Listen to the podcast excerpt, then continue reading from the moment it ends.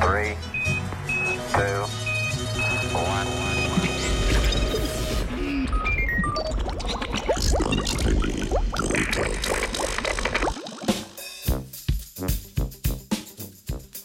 Zlovešče širjenje toksičnih cianobakterij.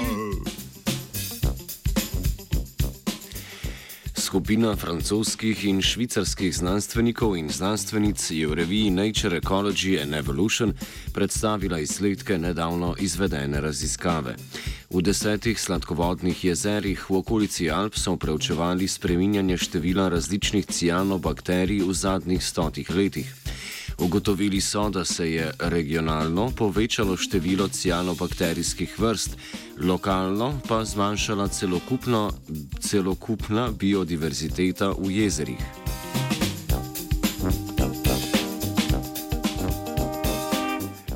Cianobakterije so skupina fotosintetskih bakterij, od katerih nekatere predstavnice, čeprav redke, tvorijo toksine.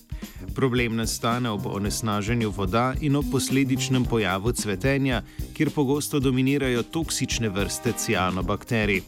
K spremembam v sestavi mikrobne skupnosti so najbolj pripomogle predvsem spremembe podnebja in eutrofikacija, to je onesnaženje jezer zaradi dotoka anorganskih hranil.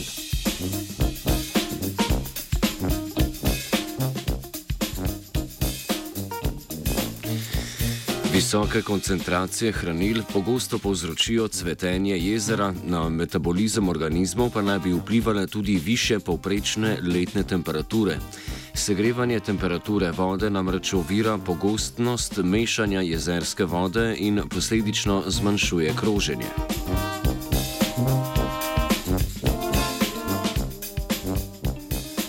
Prevladi cianobakterij nad eukarionskimi fotosintetskimi organizmi so pripomogle tudi specifične lastnosti teh bakterij, kot sta naprimer sposobnost regulacije svoje plovnosti in potovanja po vodnem stolpcu. Zmožne so tudi hitre rasti in uspevanja pri manjših količinah svetlobe. Cianobakterijsko cvetenje ustvarja tudi neugodno okolje za ostale prisotne organizme, saj povzroči pomankanje svetlobe in kisika.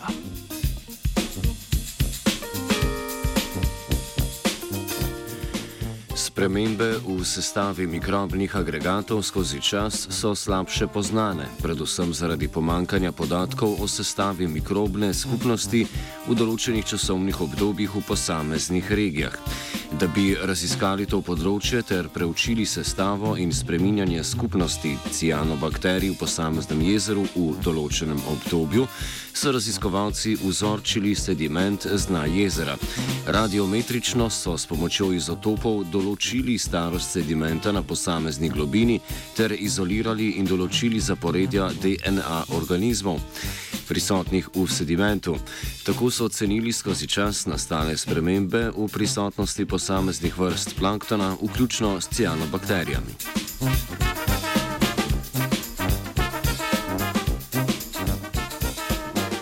V povprečju naj bi se v zadnjem stoletju v vsakem od preučevanih jezer pojavilo preko 25 novih cianobakterijskih vrst. Za porast podobnosti med cianobakterijskimi skupnostmi v jezerih so krive predvsem bakterije iz redov Croococales, Nostocales in Oscillatoriales, se upravičujem, eh, ki so se razmnožile in razširile v nova jezera. V teh redovih so prisotne predvsem bakterije, ki lahko tvorijo kolonije, toksine in povzročajo cvetenje.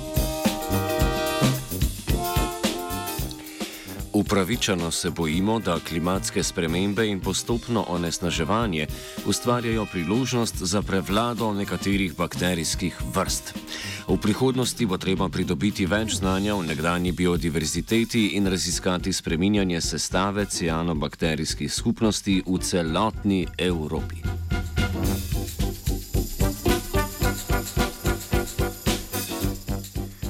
Plavanje v onesnaženih jezerih pa ne mika vajenke Nataše.